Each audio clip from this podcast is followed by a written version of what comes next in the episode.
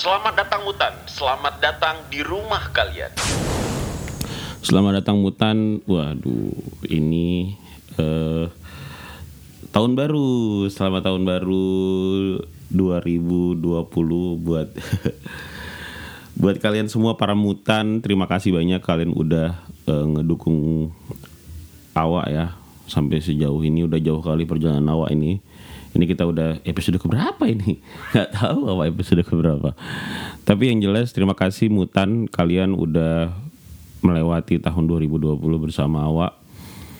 Awak tahu ini tahun yang tidak mudah buat kita semua. Uh, tapi kita harus tetap semangat harus tetap optimis lah harus tetap optimis menghadapi 2020 terima kasih juga banyak yang DM banyak yang udah mulai apresiasi karena karena kalian dengar uh, ini dari Spotify. Awak tahu kalian nggak bisa DM eh nggak bisa komen di Spotify. Tapi kalian dengar akhirnya kalian DM awak di Instagram. Terima kasih banyak. Ada yang ngebully juga memang ngebully ini apa ya? Mungkin memang udah sikap kita ya. Tapi nggak apa-apa tapi nggak apa-apa. Awak terima uh, buat kalian yang udah ngebully nggak apa-apa. Uh, udah DM akhirnya jadi teman juga ada akhirnya tiba-tiba jadi berproject udah ada. Dan ada yang melamar jadi mutan. Bang aku mau jadi mutan. Ada sekus uh, ada tempat ngumpul resminya nggak? Nanti kita buat. Tenang aja. Jadi, terima kasih buat semua mutan yang udah dengerin podcast awak di Spotify maupun di YouTube. Terima kasih banyak. Nah kali ini untuk mengawali tahun 2021 ini di tahun 2020 itu awak pernah sebenarnya di podcast udah pengen awak bikin lama cuman karena kasus COVID-19 ini semakin meninggi jadi awak juga ya tahu sendiri profesi kita kan dokter ya. Mau nggak mau agak diperbantukan jadi memang banyak yang terbengkalai. Bukannya awak nggak mau konsisten tapi tapi ada hal prioritas yang harus dilakukan. Nah, kali ini tahun 2020 kemarin itu awal udah ngasih tahu sama kawan-kawan awak di Instagram. Eh, Instagram awak kan @doktermutan. Jadi kalau kalian yang belum follow follow aja. Itu awak nanya kira-kira kalian mau konsultasi soal seks itu tentang apa? Tenang aja akun Instagramnya nggak akan awak bacaan eh bacain. Karena nanti karena kan ini urusan seks ya urusan yang harusnya disembunyiin. Urusan yang terjadi di sebuah kamar kadang-kadang gelap. Ya ada yang di di ini juga di dalam mobil juga ada.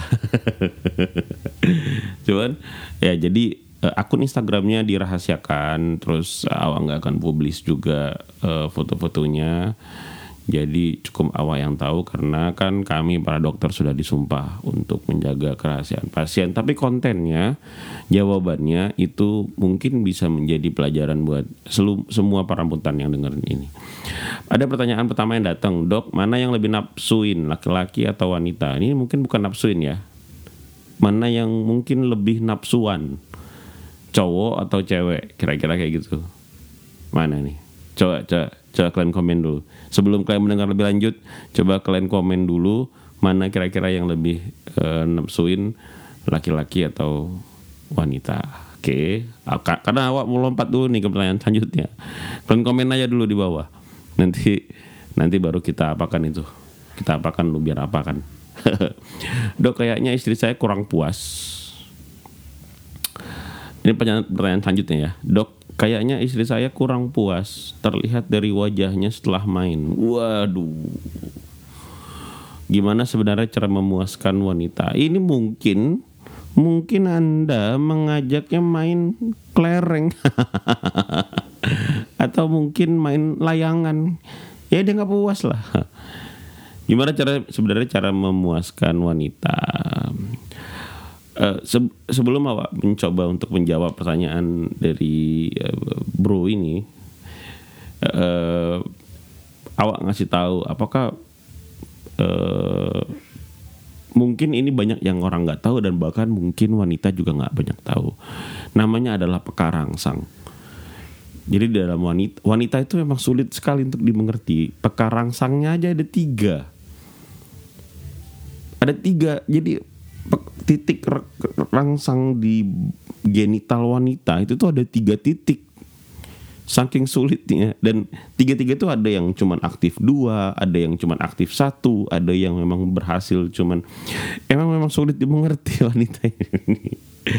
Kalau laki-laki kan sederhana ya saya tinggal dipegang naik turun naik turun naik turun naik turun naik turun naik turun, naik turun, naik turun terangsang sendiri orgasme sendiri nah wanita tuh berbeda teman-teman awak pun aduh bingung juga Nih ya, ada tiga titik pekarangsang pada genital wanita. Yang pertama namanya adalah rangsang klitoris. Nah, ini mungkin kalian tahu lah.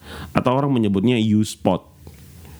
Nah, ini pun uh, nama orgasmenya juga adalah orgasme klitoris. Mungkin buat teman-teman yang mungkin nih buat para mutan yang masih uh, akan beranjak dewasa, ini ini kan podcast awak kan sebenarnya tentang pendidikan seksual ya. Salah satunya adalah untuk memberitahukan bagaimana genital wanita. Kalian boleh searching kok vagina gitu. Terus kalian lihat fotonya. Terus kalian cari tahu klitoris itu di bagian mana. Klitoris itu bukan liang liang uh, tempat jalannya rahim ya, teman-teman. Bukan liang vagina ya, beda lagi. Klitoris itu adalah tempat kencingnya namanya uh, atau uretra kalau bahasa uh, kedokterannya. Ya, klitoris itu pada laki-laki adalah penis atau batangnya. Nah, pada wanita itu cuman kecil kecil aja dia namanya klitoris tempat kencing tempat kencing. Jadi buat kalian para laki-laki nih jangan, biar jangan biar nggak malu kalian nanti aduh nanti awak malu pula. Perempuan jangan bikin malu lah kalian dengerin podcast ini hampir setiap hari. Masa nggak tahu mana klitoris mana enggak nanti begitu kalian pas buka but Oh yang mana kata dokter Frenos ini? Yang mana klitoris? Kalian mesti raba-raba dulu. Klitoris itu adalah tempat kencing. Makanya namanya eh, Atau bahasa kedokteran namanya uretra Makanya namanya U-spot. Nah pada wanita eh, uh, Klitoris ini Itu punya titik rangsang sendiri. Namanya adalah orgasme klitoris Atau klitorik orgasm. Ada jenis orgasmenya Dan itu berbeda ketika dia ML Makanya kadang-kadang di nggak perlu dimasukin di di gitu-gituin doang dari luar bisa orgasme dia. Namanya klitorik orgasme. Wah baru tahu kan baru tahu kan kalian ngapain aja kalian selama ini? Ya itu itu pekarangsang yang pertama. Yang kedua adalah pekarangsang yang kedua. Itu namanya adalah Grafenberg spot atau kita mengenal dengan nama G spot Mungkin kalian pernah dengar apa itu G-spot tapi kalian nggak tahu kan kalau itu kepanjangan dari Grafenberg spot. G-spot itu adalah benjolan kecil. Jadi itu kayak ada benjolan kecil itu uh, dan dia itu terletak di jadi gini gimana ya cara menjelaskannya ya supaya kadang nggak ada gambar jadi ketika uh,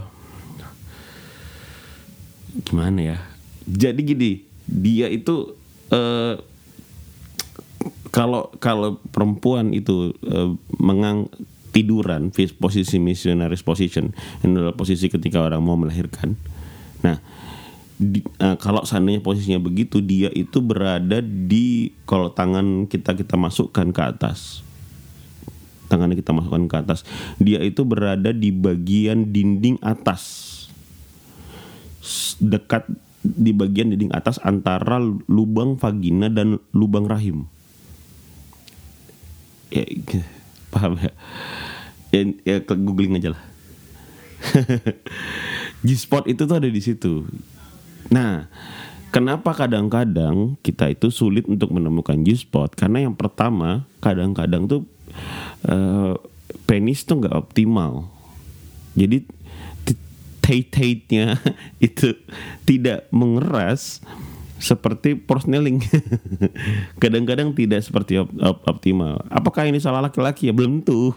Belum tentu. Karena kan uh, rang rangsangan uh, kerasnya sebuah menara itu juga ada ikut andil servisan wanita ya. Awal nggak mau kalah juga lah. Jangan cewek aja. Cewek juga. Mungkin itu dia nggak uh, jadi tegangnya itu nggak optimal bisa jadi Nah itu karena jadi kalau em, itu gunanya gunanya foreplay dengan baik itu karena supaya untuk menegang eh, membuat penis itu tegang sempurna. Nah, lalu yang kedua, eh, kenapa wanita tuh nggak eh, yang kedua adalah wanitanya nggak terangsang. Jadi gini, teman-teman, ketika wanitanya terangsang, jadi di sport itu kan bukan organ, tapi kayak ada benjolan di rahim gitu. Ada benjolan di rahim itu sebenarnya bundle of nerve itu sebenarnya tuh titik saraf yang banyak ada di situ. Nah, biasanya ketika wanita itu terangsang, eh, otot-otot di dalam eh, vaginanya itu eh, mengeras sehingga tonjolannya akan jadi semakin lebih besar, sehingga lebih mudah. Nah, kenapa kadang-kadang tidak optimal? Karena wanitanya tidak eh, tidak terangsang. It- Itu yang yang sebenarnya perlu di eh, perlu dicari tahu ya. Nah, yang ketiga adalah eh, kebanyakan bahkan para wanita sendiri itu tidak paham tentang posisi rahim yang dia punya. Ini sebenarnya yang paling banyak terjadi kalau kata awak ya. Gitu. Kalian tahu nggak kalau eh, rahim itu ada eh, dua, ada antifleksi, ada retofleksi namanya. Nah, nanti kita bahas karena setelah ini ada pertanyaan tentang itu. Oke, nah lalu titik peka yang ketiga itu ada namanya anterior fornix atau bagian terdalam wanita. Ada jaringan sensitif yang biasanya memproduksi cairan vaginal. Jadi itu kayak memproduksi cairan vaginal itu banyak. Nah ini tuh harus disentuh. Mau pakai apa pun pokoknya harus disentuh. Ini tuh deket mentok. Jadi kalau gimana cara ngomongnya ya supaya kalian nggak. Jadi intinya kalau masuk barang tuh mentok lah dia. Nah kalau dia udah mentok ah itulah dia anterior fornix. Makanya ada yang cewek-cewek bilang ini kalau sampai mentok sampai mentok enak. itu dia. Jadi itu adalah coba mana tahu ya ini coba-coba. Jadi kalau kalian yang sudah ber ini kan awak kan menjelaskan data ya, bukan bukan based on pengalaman tapi based on journal. Ya, dokter kan harus ngomong sesuai dengan jurnal. Jadi ini based on eh, apa namanya eh, data dan ilmu pengetahuan teman-teman. Jadi mungkin boleh dicoba, mungkin boleh dicoba siapa tahu bisa merubah hidup dan merubah rubah tangga kalian. Dok, tanggapan tentang FWB. FWB kan itu eh, merek mobil. Oh, nggak lucu. FWB itu adalah eh, for work eh itu FWB. Eh WFH eh, itu beda ya. Work from ini from work udahlah. FWB buat yang belum tahu, FWB itu adalah friend with benefit. Sebenarnya ini sebenarnya ini sebenarnya udah sekarang sekarang aja ya lagi ngetren ya dari setelah adanya dating app dating app dari setelah ada filmnya eh, siapa sih?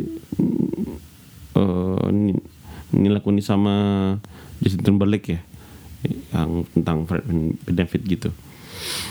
Apa tanggapan tentang ini? Karena ini sekarang lagi marak. Jawabannya adalah awak mendukung dengan syarat. Pertama partnernya harus satu aja. Jangan kira-kira banyak teman makin banyak yang digitukan jangan. Tapi partnernya cuma satu aja jangan ganti-ganti. Yang kedua adalah safe sex. Kalau seandainya dua itu menurut awal dukung-dukung aja. Kenapa? Karena alasannya nggak semua orang berani untuk berkomitmen sedangkan biologisnya membutuhkan seksual. Jadi dia mendukung-dukung aja lah. Kenapa rupanya? Walau yang paling baik ya, ya mungkin kita kan nggak bahas yang paling sempurna. Yang paling sempurna ya tetap jalur yang benar dan sesuai dengan norma. Itu yang benar. Tapi kalau seandainya eh, FWB, tapi kalau seandainya dibandingkan antara kalian eh, menyewa pekerja seks komersial, awak lebih setuju kalian dengan FWB. Jauh dari penyakit dan lain sebagainya. Oke. Pertanyaan selanjutnya. Dok, gua gay. Waduh. Ya. Ya, d- jangan banyak eh, jangan eh, salah tanggap. Banyak loh gara-gara kemarin di episode-episode sebelumnya awak awak bahas sama narasumber eh, lesbian dan memang di situ posisinya awak nggak nggak men- mendeskripsikan eh, apa itu gay dan no gay nggak no mereka manusia mereka mesti punya hak uh, secara uh, posisinya mereka ya gitu. Awak mendukung mendukung aja. Cuman dari sisi uh, medis maka kita bicara tentang fisiologi kita bicara tentang biologi uh, itu berbeda lagi gitu. Dok gua gay belakangan saya sering ambeien. Oke okay. ada hubungannya nggak sama gay? Ada.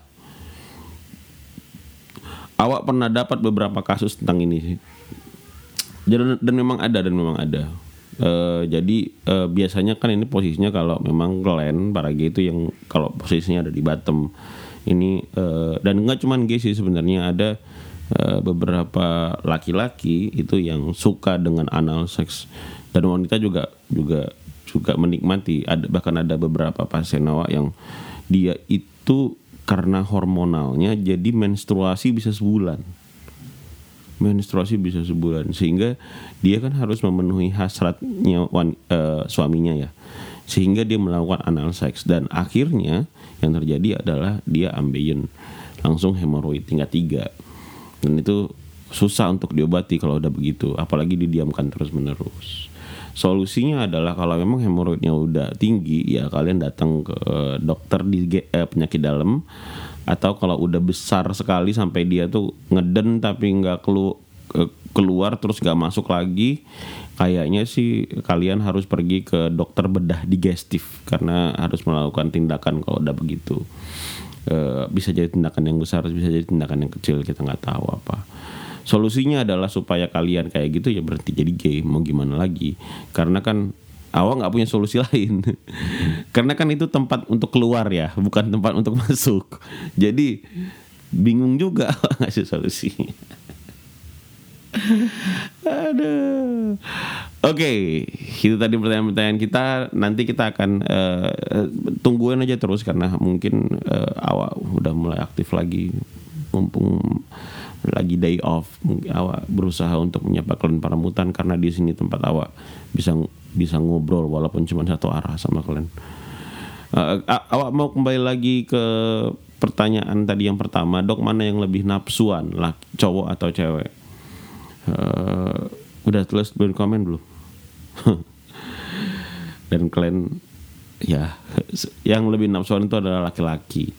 Tapi datanya itu uh, data psikologisnya itu uh, ya mencengangkan lah. Laki-laki itu memikirin mikirin tentang seks itu 65 sampai 68 kali. Sedangkan perempuan itu mikirin mikirin seks itu adalah 45 sampai 48 kali. Jadi sebenarnya beda-beda tipis 60 40. Yang enggak yang enggak sama eh sama aja sih ketawa ya. Enggak enggak kalau kecuali 80 20 atau 70 30 tapi kan ini 60 40 68 persen 48 persen. Gede juga. Itu kan lahiriah ya. Jadi sebenarnya ya mikirin tentang seks juga. Bedanya kan kadang-kadang cowok lebih beringas. Ah tapi nggak juga. Kadang-kadang cewek juga gitu ya. Sama aja jawab zaman sekarang beringas-beringas juga. Cowok dirusak begini. Waduh tiba-tiba duh rumahku kosong nih. Wah kan wah anda telah merusak cowok. Buat cewek-cewek yang sering ngomong begitu aku di kosan ini sendiri. Ah itu anda adalah wanita-wanita yang suka merusak cowok yang lagi baik-baik. Nggak ya bercanda ya. Jadi intinya sama aja sih kalau ketawa. Dua-duanya nafsuan. Cuman kadang-kadang laki-laki jauh lebih ekspresif tentang nafsunya dibandingin dengan wanita dan jangan salah loh kadang-kadang wanita eh laki-laki suka dengan wanita yang lebih ekspresif tentang kenafsuannya Oke, okay, itu aja mungkin podcast dari awak. Uh, terima kasih kalian yang udah nanya-nanya di akun Instagram awak Dokter Mutan. Buat kalian yang mau bertanya-tanya boleh. Kalau memang uh, kas kal pertanyaan kalian itu menjadi informasi buat banyak orang, pasti awak bawa ke podcast yang jelas sesuai dengan izin kalian juga. Jadi ini pertanyaan-pertanyaannya udah melalui izinnya mereka ya bahwa ini awak angkat di podcast. Dan seperti yang kalian dengar tadi kalian awak tidak akan uh, membuka uh, ini pertanyaan dari siapa. Jadi kalian nggak perlu pakai akun palsu juga lah untuk nanya tentang ini Dan kalau mau nanya lewat komen YouTube, kalau kalian gak malu juga nggak apa-apa, boleh. Nanti awak akan jawab pertanyaannya melalui podcast ini. Terima kasih. Eh, kalau kalian berkenan, boleh follow di akun Spotify. Eh, awak kalau kalian suka boleh di like atau di subscribe, boleh di share sama teman-teman kalian supaya lebih mengerti tentang seks ini apa. Sampai ketemu lagi di lain eh sampai ketemu lagi di lain kesempatan. Semua akan martole pada waktunya. this is Dr. Frena speaking. Mediate. Be with you. Selamat datang hutan, selamat datang di rumah kalian.